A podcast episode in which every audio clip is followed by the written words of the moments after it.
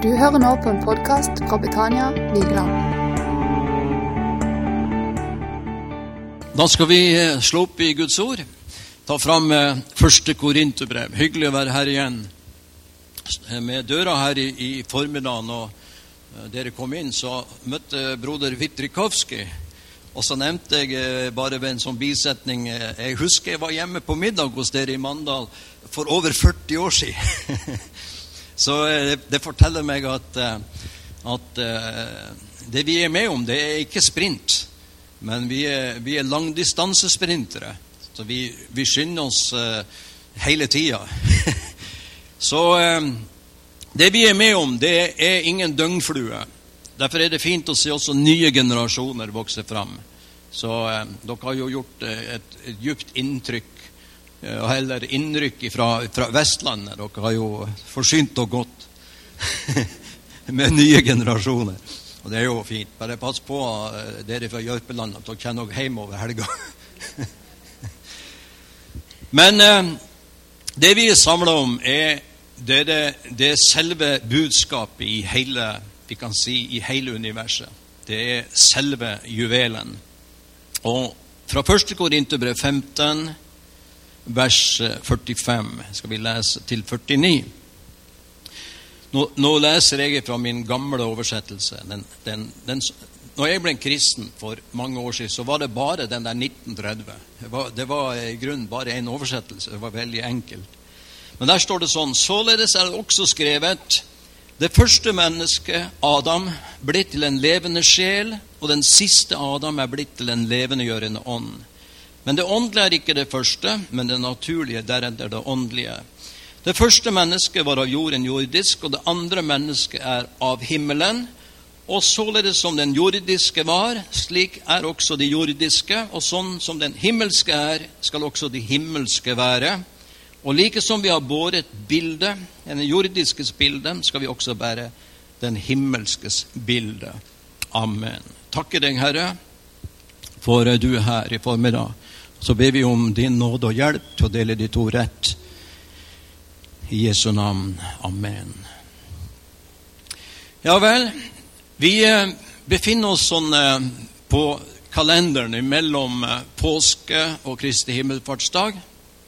Og det er veldig interessant å bli minnet om eh, disse sentrale sidene med korsdøden, oppstandelsen og opphøyelsen på tronen og åndens komme. Og hva dette her er, er ikke fire separate ting, men det, det er én juvel. Det er en, ett evangelium med fire sider. Så hva handler nå dette om? Jo, dette handler om overgangen fra en verden til en annen verden. Fra Adam til Kristus. Hvis du leste, fulgte med her nå, så var det tale om det var tale om to mennesker. Det første mennesket. Så var det tale om det nye, det andre mennesket som er av himmelen. Og så var det tale om det naturlige kontra det åndelige. Så det er en overgang fra naturlige ting til guddommelige, åndelige ting. Og så er det til slutt to bilder i vers 49. Har vi båret den jordiskes bilde, skal vi nå bære bildet av den himmelske. Så det, det, vi befinner oss i sånn i kalenderen, det, vi feirer overgangen fra en gammel verden med Adam og kjødet og verden til en helt ny dimensjon, en ny verden som heter i Kristus. Og det er veldig viktig at vi har åpenbaring i møtene, for alt det der i Kristus er usynlige ting. Så det er det som det, det timelige, det, det, er ikke evig. Det er bare den åndelige, usynlige dimensjonen som er evig. Og Derfor er det så viktig at vi har åpenbaring i møtene, så vi ikke lever bare ut fra naturlig det vi ser og føler og kjenner, men har forståelsen av hva det vil si å ha en ny identitet. Så det jeg skal si litt om i formiddag, er tre sider av Jesus i denne teksten som forteller om ny identitet. Og Det første vi skal merke oss i vers 45 Når vi kommer til en sånn tekst, så spør jeg alltid i, i tekster i Bibelen, hvilken side av Jesus har teksten? Fordi jeg har en sånn grunntanke at hensikten med Bibelen er at Gud ønsker at vi skal bli kjent med Han. Og Det er ett sted hvor vi kan kjenne Gud, og det står at ingen har sett Gud, men den enbårne sønn har forklaret Han. Så derfor, så, hvis Den hellige ånd underviser oss, vil det alltid føre oss til Jesus. Det vil alltid bli fokusert på Han. Når vi er på avveie, så blir vi distrahert bort fra Jesus. Men Den hellige ånd ønsker vi skal kjenne Gud, og det er ett sted. Ingen har sett ham, men det er ett sted hvor vi kan kjenne Han, og det er i Sønnen Jesus Kristus. Derfor spør jeg alltid hvilken side av Jesus har teksten. Og Her er minst tre aspekter av Jesus. Og da kommer neste spørsmål hva gjør det med livet mitt? For du blir ikke forvandla ved å ta det sammen. Du blir ikke forvandla ved åndelige øvelser. Men du blir bare forvandla når Den hellige ånd åpenbarer Jesus i ditt hjerte. Da må noe gå, fordi at noe nytt bryter fram inni deg. Så vi skuer Herrens herlighet, sier Paulus, som i et speil, og blir forvandla til det samme bildet. Vi kunne hatt et tema over møtet, sånn undertema, vers 49. Hvordan kan Jesu et bilde, vet du, det er et uttrykk. Hvis du tenker på sertifikatet ditt, så er ikke det egentlig du. Bildet av deg i sertifikatet. Du sitter jo her på benken. Så sertifikatet, bildet, er bare et uttrykk for deg.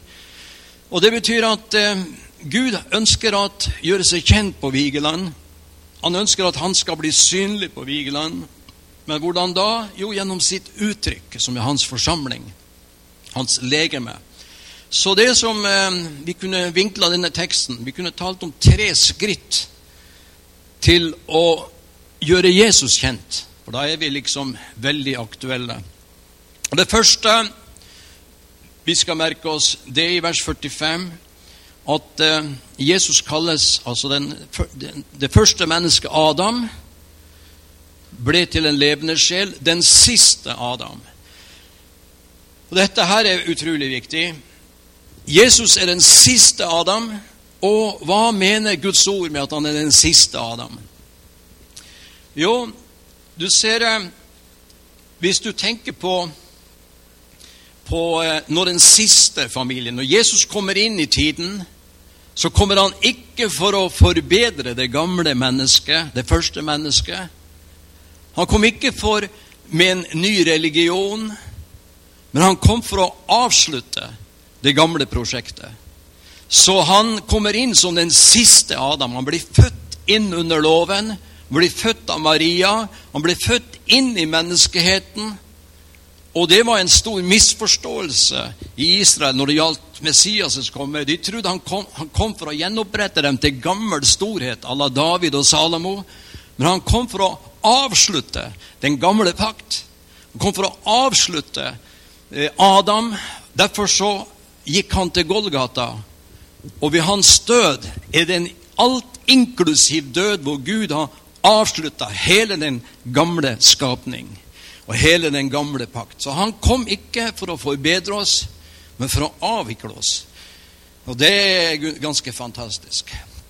Så i den gamle pakt så vet vi at eh, når vi feirer påske nå, så er det bygd på andre Mosebok 12, hvor de brakte Eh, påskelammet i 2. Mosebok 12 og ble befridd fra Egypten. og Når de så blodet, gikk de forbi. Dødsengelen, eller døden, passerte forbi, for døden hadde allerede inntrådt i lammet istedenfor de som var inn forbi. Og Det er jo et flott forbilde, men forbildene i Gammeltestamentet er aldri så bra som realitetene i Kristus. Så det lammet som ble slakta i Egypt, det ble aldri vekt opp igjen på tredje dag. Så de kunne se seg i den gamle pakt, se seg tilgitt, pekte fram mot han som skulle komme. Så gammeltestamentlige troende trodde på Jesus i lys av den åpenbaring de hadde. Abraham trodde på Jesus. Det står i, i Johannes 8 Abraham så min dag og frydet seg. Og Moses trodde på Jesus. Hebreerne 11 så sies det at at klipp, eller eh, Moses aktet Kristi vanære for en større rikdom enn Egyptens skatter.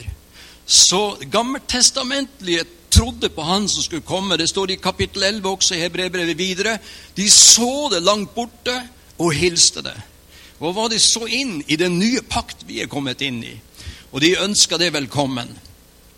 Så de trodde på Jesus, men i den gamle pakt så ble lammet aldri vekt opp på tredje dag. Så de så seg tilgitt. De så seg syndernes forlatelse. Men de forsto ikke dette med ny identitet.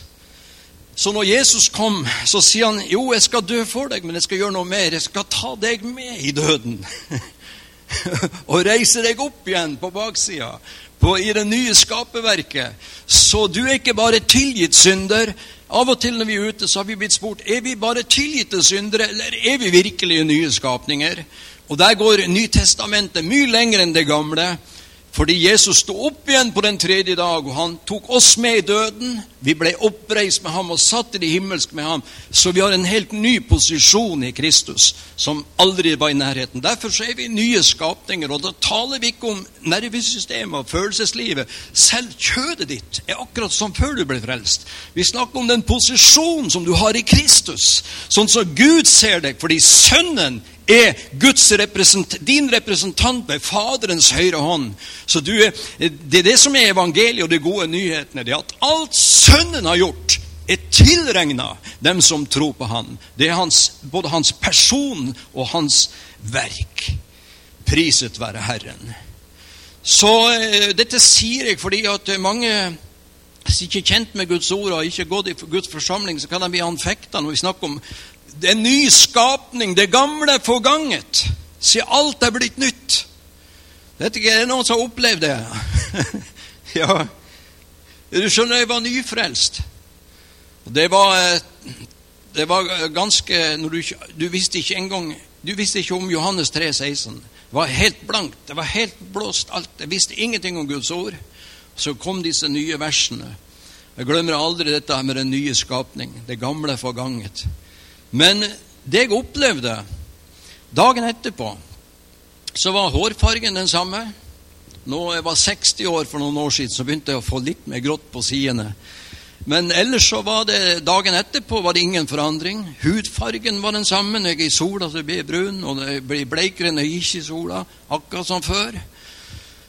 Og eh, høyden var den samme, vekta var den samme. en bitte litt mer pondus etter hvert. Men ellers så var alt det der fysiske og kjødelige det var akkurat samme som før. Så når vi sier ny skapning, så alt er blitt nytt. Det var ingenting som var blitt nytt. det kunne jo bli anfekta. Det var ingenting. Alt var, jo, alt var jo helt likt som dagen før du tok imot. Unntatt én ting. Du var flytta inn i Kristus. Og Kristus var flytta inn. Så det er den åndelige posisjonen, den åndelige status, som er ny. Du er gått ut av Adam og inn i Kristus. Så alt det der fysiske var akkurat som før. Amen. Og det Bibelen taler om, det er at når vi lever i samfunn med Jesus, så er det sterkere, så det går an å bryte. Du, du ramler ikke ut av frelsen om du feiler, til og med om du synder.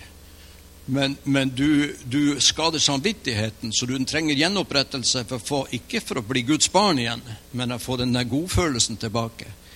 Så Derfor så er det viktig å leve i ånden og leve i, i åndens samfunn, så vi opplever Han som er i oss, sterkere enn de ødeleggende kreftene. Så eh, Amen. Så han kom.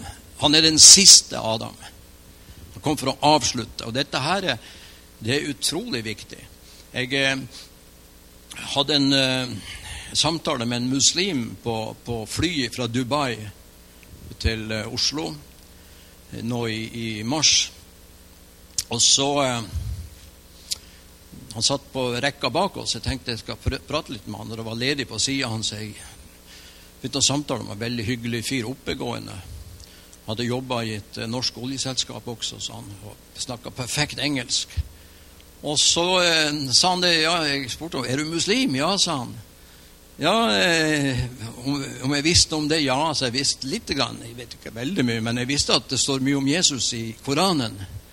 Ja, sa han, det står faktisk mer om Jesus i Koranen enn om Muhammed. Det er jo interessant. Så fortalte han det sto ett kapittel om Maria og fødselen til Jesus. Og så sto det om Jesus han for til himmelen. Det har de med i læren. Ble tatt opp til himmelen. Og så står det at, de trodde at Jesus skulle komme igjen. Og i det scenarioet hvor Jesus skulle komme igjen, så hadde Muhammed spilt ingen rolle. Han var bare en profet. Det var, det var Jesus som skulle komme igjen. Det er ganske sterkt, så det er en fin innfallsvinkel for å forkynne evangeliet. Men så var det noe som var annerledes. Så sa han vi har ikke dette med at han døde og sto opp igjen. Og Derfor så har de ikke selve kjernen i evangeliet. Så, så jeg spurte hva må du gjøre for å nå paradis. Jo, han måtte vende seg, eh, hvis det var praktisk mulig, til eh, Mekka og be fem ganger om dag. Og så var det en gang i løpet av livet som, som pilegrim besøker Mekka. Og så var det ramadan og faste i den faste måneden, og så var det to-tre andre ting. Da var du en god muslim. Så kunne du håpe på noe paradis. Man kunne ikke være helt sikker. Eh, så sier jeg at eh, dette som er forskjellen på religion og Jesus, det er nettopp dette med hans død oppstandelse. At vi blir ikke frelst av Du ser, alle religioner har gode gjerninger. Men alle religioner har noe felles, og det er at gode gjerninger ligger i grunnlaget. Altså man, Hvis du gjør sånn og sånn og sånn, så skal Gud eh, kanskje godkjenne deg til slutt. Men du kan ikke være helt sikker om du har nådd opp til det rette nivået. Mens evangeliet, det at de gode gjerningene, eller grunnlaget, er ferdig på Golgata. Så gode gjerninger som Nytestamentet taler om, ferdiglagte gjerninger som vi skal vandre i, og hele Titus brev taler om et folk nidkjært til gode gjerninger, er en frukt av at du allerede er frelst.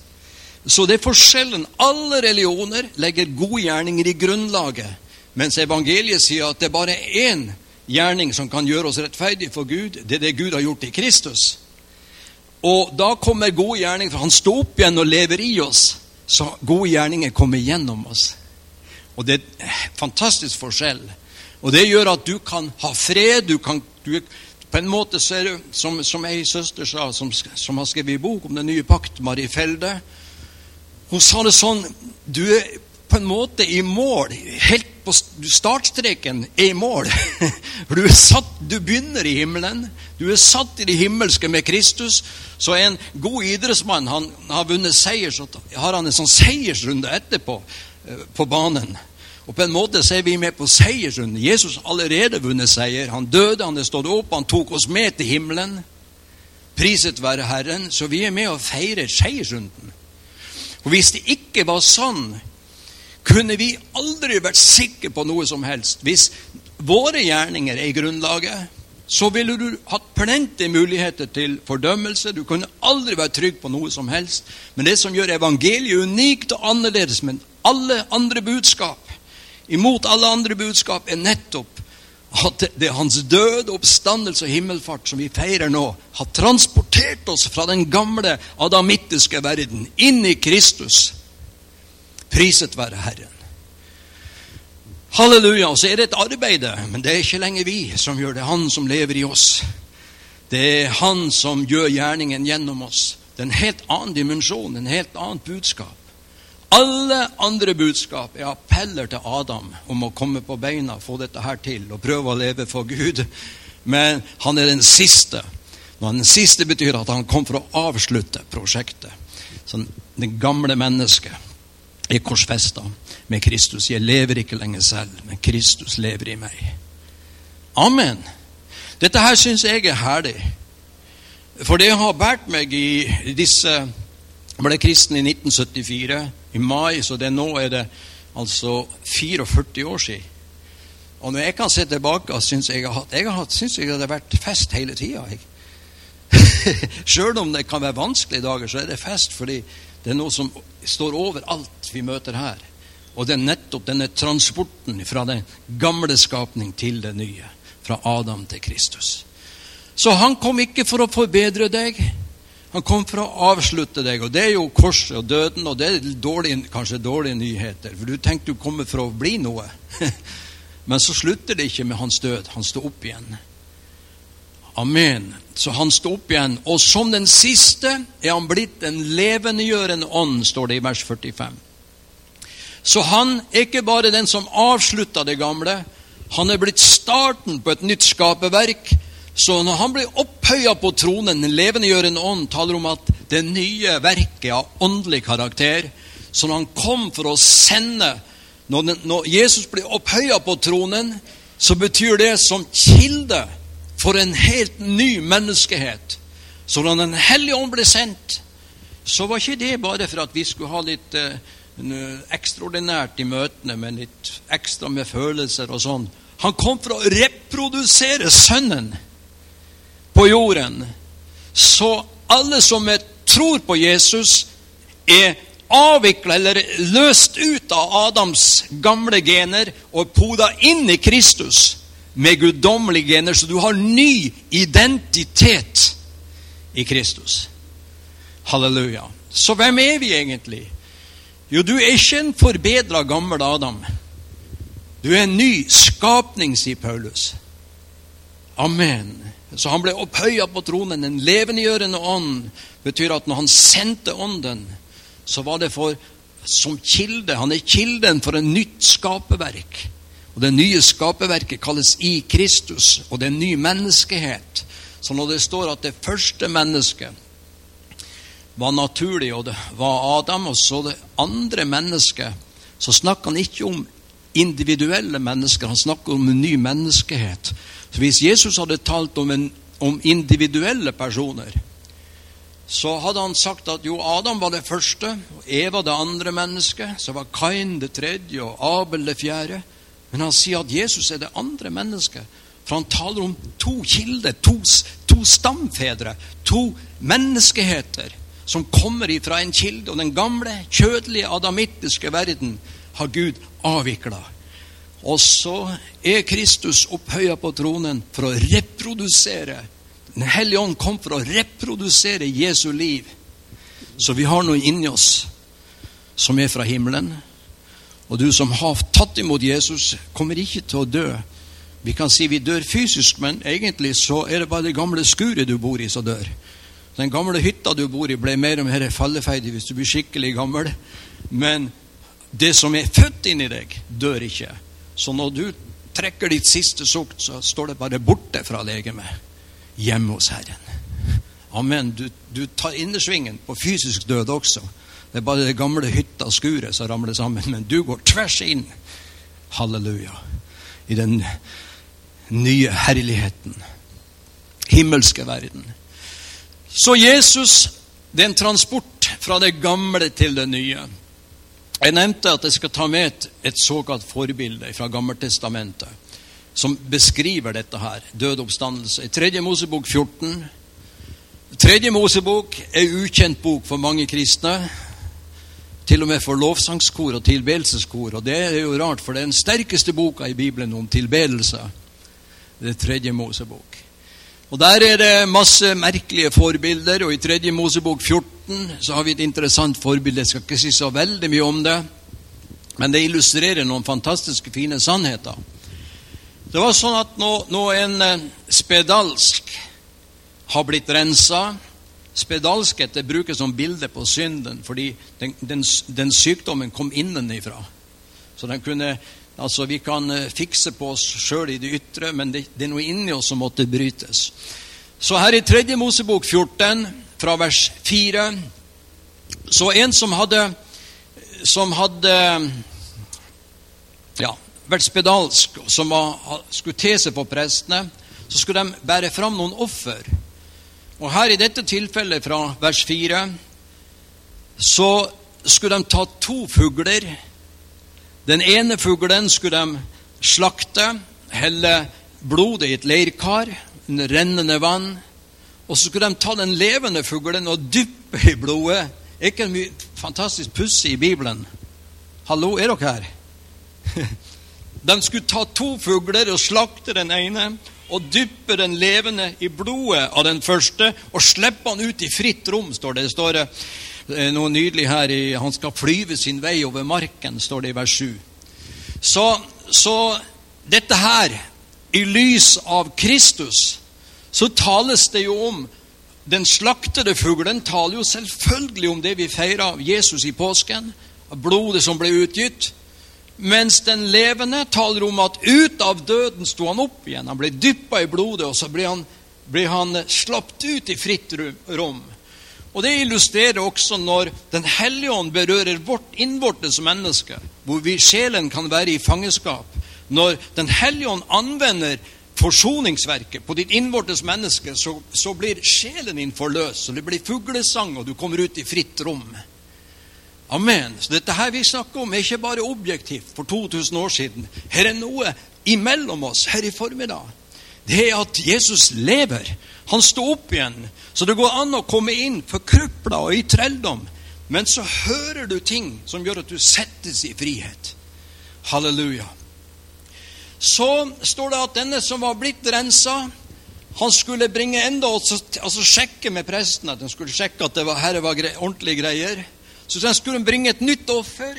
Disse ofringene peker på sider av Jesus.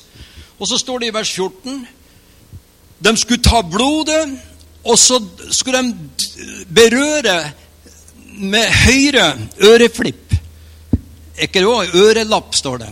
De skulle ta blodet i vers 14. Jeg vet ikke hva det står her bak. hvilken oversettelse. De skulle ta blodet, og så skulle de ta og berøre høyre øreflipp. Og så står det høyre tommelfinger og på hans høyre stortå. Og det står jo i Romerne 15 at alt som er skrevet før, er skrevet oss til lærdom. Så hva kan det fortelle meg? Jo, det forteller meg at hvis vi skal erfare seieren Jesus har vunnet, så, så kommer denne hørelsen. Så ditt øre må på en måte løskjøpes fra å høre mye fælt. Du skal lukke ditt øre fra sladder og, og det som bryter deg ned. Og så skal ditt øre være forløst ved blodet. Så står det også han, i vers 17 at han skulle ta, ta olje og smør på høyre ørelapp og på, på høyre tommelfinger og på, på eh, hans høyre stortå. det er helt fantastisk. Hva handler dette her om? Jo, det handler selvfølgelig om at ikke bare ditt øre forløst fra gammelt, uheldig eh, det, snakk og alt du hører, men du skal innvie Olje taler om ånden, hvor den innvier deg til å høre fra himmelen. For alt Gud gjør i ditt liv, kommer inn gjennom ørene dine. Amen. Troen kommer av hørelsen. Og stortåa, da, hva er det for noe? Og, og, dette med høyre tommelfinger. Tommelen taler om selve grepet, handa, gjerningene dine. Og, og vandringen, føttene dine. Så, så det Gud ønsker å forvandle våre liv, det er at vi hører oss fri. Og det må forløses. Du, du forløst fra den gamle gjerningen og den gamle vandringen de holdt på med. Og så er de, ditt legeme innvia Herren. Amen. Så ditt innvie, blodet taler om forløsning fra det gamle, mens olje taler om Den hellige ånd, som knytter deg til hodet og Kristus, så han kan leve gjennom oss. Er dere her ennå? Amen. Nå eh, skal vi ikke holde på så veldig lenge, men jeg må si litt også om det tredje. Så det vi ser her, det er at Jesu død, oppstandelse og himmelfart taler om en transaksjon, eller transport, fra den gamle adamittiske verden inn i den nye, hvor Kristus er alt. Halleluja. Og så kommer det Har vi båret den jordiske bildet? Altså uttrykte vi Adam før gjennom det vi hørte, gjennom handlinger og vandringen vår, så skal vi nå Skal vi se på verset igjen? Har vi Se på vers 48. Eh, Der står det således som den jordiske var. Det er et interessant vers. Så er også de jordiske. Det vil si at hvis du er et naturlig menneske, så vil du uttrykke Adam. For sånn, sånn, som du er, så er du. Men så står det i vers 48 sånn som den himmelske er. Hvem er det? Jo, det er jo Jesus. Så skal også de himmelske Hvem er de himmelske? Hvem er de himmelske? Amen. når jeg ser utover dere her, hvor kommer du fra? Jeg trodde i flere år, i hvert fall tre år etter jeg ble en kristen, at jeg var fra Mo i Rana. Men så sa Herren, nå må du slutte. Du er et nytt skapning. Hvor kommer du fra? Sånn som den himmelske er. Kristus, stamfaren, skal de himmelske. Hvem er de himmelske? Det er vi som er født av Ånden, født ovenifra. Så skal de være, og har vi båret den jordiske bilde, skal vi nå bære den himmelske bilde. Hva vil det si? Hvis du legger merke til i Bibelen, så tales det enormt mye om bilder. Så det er en av de første, Det andre budet det var at du skulle ikke gjøre deg noe utskåret bilde. Og Det Gud gjorde fra starten av, når han skapte Adam, var at han skapte han i sitt bilde. Det vil si at Gud ønsket mennesket til å utstråle og uttrykke seg sjøl. Så gikk det Det bildet ble ødelagt, så det står i Første Mosebok 5 at Adam fikk barn i sitt eget bilde. Så det skjedde noe i syndefallet. Men hva med Jesus? Jo, når Jesus kom, så taler Paulus i brev etter brev at han har Romerne 8, at han har forutbestemt oss til å bli likedannet med hans sønns bilde. Og når han taler i 2. Korinterbrev 3 om forvandling, så snakker han om at vi skuer Herrens herlighet som i et speil og blir forvandla. Så du, du, ditt forvandlede liv kommer av hva du ser. Du skuer Herrens herlighet som i et speil og blir forvandla. Da taler han om transporten fra den gamle til den nye pakt i kontekst. Så du blir forvandla til det samme bildet som av Herrens ånd. Det vil si Guds ånd gjør dette ved å vise deg Jesus. Og det jeg har sett, at hvis mennesker Du ser mange rundt oss. De eh, ser ikke det vi ser i den åndelige dimensjonen. Har ikke forutsetning uten at du blir født på ny, kan du ikke se Guds rike. Og skal folk bli forvandla eller satt i frihet. Jeg hadde samtale med to mennesker sist uke som slit, sleit noe voldsomt. En hadde, han hadde drukket hver dag fra han var 15 år, nå var han 47 år. Hver dag. Han har vært full hver dag i, i over 30 år. så sa jeg at ja, så lurte han på om det var mulighet at det var sjanse at han kunne bli ny. Ja, så sier at det, det, Men det må omprogrammeres her oppe. Det må, det må, begynne med at For du har bilde av deg sjøl som en håpløs eh, Og det har vært oppbacka, og omgivelsene dine backer opp om bildet. Så skal ditt liv bli forvandla, så må du la Herren få smadre avgudsbildene du har mellom ørene. Og så reise opp en, en ny forståelse av hvem du er. Og faktum, faktum med oss som er her nå, så er sannheten om deg Jesus. Amen. Altså, Jesus er veien, sannheten og livet. Hva mener vi at han er sannheten? Jo, fordi han som sitter på tronen, er Guds gave til deg. Amen. Så hans, det han har gjort, er tilregna deg. Det han er, er tilregna deg. Så når Gud ser på sin sønn, så sitter han som representant for en ny menneskehet. Og alt hva han er og har gjort, er Guds gave til deg. Amen. Det er gode nyheter. Og hvis du ikke ser det, vil kristenlivet bli veldig mye fordømmelse og strevsomt og slitsomt. Du har hele tida noe der fremme du skal nå opp til. Men Bibelen sier ikke det at dersom du når opp til det spesielle nivået av åndelighet, så kan du glede deg. For eksempel, Noen tenker jo hadde jeg bare kunnet stått opp om morgenen og bedt en time hver morgen, lest et kapittel i Bibelen hver morgen, så jeg nådde opp til et så, sånt åndelig nivå, så skulle jeg glede meg i Herren hele tida. Men Bibelen sier 'gled deg i Herren alltid'. Sånn som du er nå, kan du glede deg i Herren. Amen. Bibelen sier ikke at dersom du når opp til et så, såkalt høyt åndelig nivå, så kan du glede deg. Hvis du er gått over fra døden til livet, fra Adam til Kristus, kan du begynne å fryde deg i Herren nå. Amen. Det er nok det du har i Kristus. Halleluja. Og Det sier jeg fordi at hvis du legger grunnen til at du skal nå så så høyt før du begynner å glede deg, så vil det alltid være foran. Du når aldri fram til noe. Du kommer alltid, alltid mismodig fordi du ikke blir sånn og sånn som du prøver å bli. Men det ved å skue det du allerede er, det det Gud har sagt du er i Kristus, blir du forvandla til det samme bildet. Amen. Så når Herren skal forvandle ditt liv Han ønsker at Jesus skal bli synlig gjennom Betania Vigeland, her på Vigeland. Hvordan da? Jo, jeg må omprogrammeres mellom ørene. Alle avgudsbilder. Hva er det for noe? Det er det som ikke stemmer overens med det Gud har gjort i Kristus. Som gjør at du er hele tida motløs og mismodig og litt skyld og litt dom. Fordi at du ikke ser disse tingene, så blir det hva du representerer, som dominerer deg. Og da har du grunn til å bli mismodig. Det er bare det Gud har gjort i Kristus, som kan sette oss fri. Så i Gammeltestamentet så Jeg skal bare nevne et forbilde. For ca. ti år siden skrev jeg en bok om paktens ark. Og den eh, Paktens ark er en eh, interessant studium i Gammeltestamentet.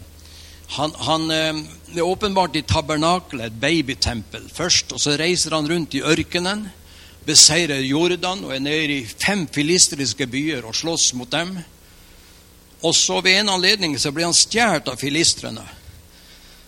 Altså det, dette her er en fint studium. Når Jesus flytter inn i vårt liv, så reiser han rundt i vår personlighet og beseirer alt som står han imot, inntil at vi er et modent tempel, et Salomos tempel. Men eh, ved en anledning så stjal filistrene arken. I første Samuels bok, kapittel 3, 4 og 5 der, så tales det om at de skulle ha fellesmøte mellom arken og Dagon, en, en avgud som filistrene hadde. Og jeg er, jeg er i grunnen for fellesmøte mellom kristne, men ikke mellom eh, Herren og avguder. Det er et dårlig fellesmøte. Har lite til felles. men så skulle de inn og se dagen etterpå, og så hadde Dagon bøyd seg innenfor Herren. Han, lå, han lå, måtte erkjenne at det er du som er Herre, til Gud Faders ære, for hvert kne skal bøye seg. Så de reiste opp igjen Dagon, og så tenkte vi får ta et nytt møte. Og neste morgen så er hodet og hender og føtter hugd av, så han er smadra hele Dagon. Dette her er i grunnen et fint, fint bilde på hva som skjer i våre liv. Når Jesus får plass i tanker og sinn og kommer inn, så smadrer han dine avgudsbilder. Og det er vrangforestillinger. Noen, noen vokser opp med at de er håpløst, og så har fått forsterka ting, negative ting gjennom både gener og oppvekst. Og mange folk har avskrevet seg sjøl unødvendig. For faktum er det at i Kristus Dette her er ikke for spesielt åndelige personer. Evangeliet for alle mennesker. Og evangeliet er en Guds kraft til frelse for alle mennesker. Men skal folk bli forvandla, så må de forstå at det handler ikke om å drive hele tida ta seg sammen og prøve å få dette her. Det handler om en, et nytt mindset, eller en, en, at evangeliet smadrer alle vrangforestillinger. Det er det som er avgudsbilder. I dag har vi ikke stokk og stein sånn som før. Men det er masse vrangforestillinger og bilder folk har i sin, sitt sinn og tanke om hvem de er. Og for å komme ut i frihet må du se at alt det Jesus har gjort, og det han er, er nettopp din nye identitet. Halleluja. Amen. Så har vi båret den jordiske spillet. Det er bildet av at du er en fæl og håpløs synder som er aldri blir Du trenger å fordømme deg sjøl og gjøre deg sjøl livet mest mulig pyton. Du trenger å se at det Gud har gjort i Kristus, det er unikt og annerledes. Helt annerledes. Alle religioner holder på med å pynte på det gamle. Mens Jesu komme betyr at alle religioner er over. Alle, alle kjødelige anstrengelser er avslutta. Hans død har avvikla hele det gamle prosjektet, og alt er blitt nytt. Et nytt skaperverk. Og der kan jeg senke skuldrene og ha det trivelig. Trives i nye livet hver dag. Så sånn som jeg ser Gud se meg. Så Vi snakker ikke om dine erfaringer nå. Vi snakker ikke om hvordan du føler deg. Jeg snakker om hvordan Gud ser deg i Jesus. Det er det avgjørende. Og så vil erfaringene nye komme. Så vil nye følelser Dette her går opp for folk. Så begynner man å se tingene på en ny måte. Et nytt skaperverk i Kristus Jesus. Finalen ligger foran oss. Vi skal se han som han er, og bli ham helt lik. Mellom tida er vi i et spenningsfelt mellom det du allerede har i Kristus, og det du erfarer. Så vi lever i spenningen, men status per nå er at vi er nye skapninger.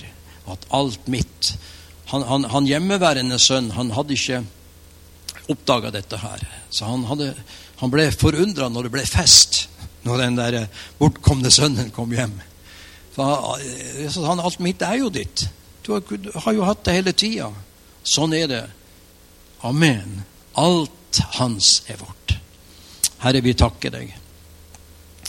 Takker deg, Jesus, for det nye skaperverket. Og takker at eh, vi hører oss fri med at eh, våre ører er vendt imot deg, så vi kan lytte til din tale. Og at vi ikke bare får løst fra det gamle, men vi innvier ved ånden det nye. Og nå priser vi deg for uh, du lar Betania Vigeland være et sted hvor du kan bli kjent for verden. Så ber vi deg at du må gi, hjelpe oss og gi oss kraft til å forkynne evangeliet så folk blir satt i frihet. At det ikke blir forbedring av gammelt. All religion holder på med det, men du gjør alt nytt. Takk skal du ha, Jesus. Amen.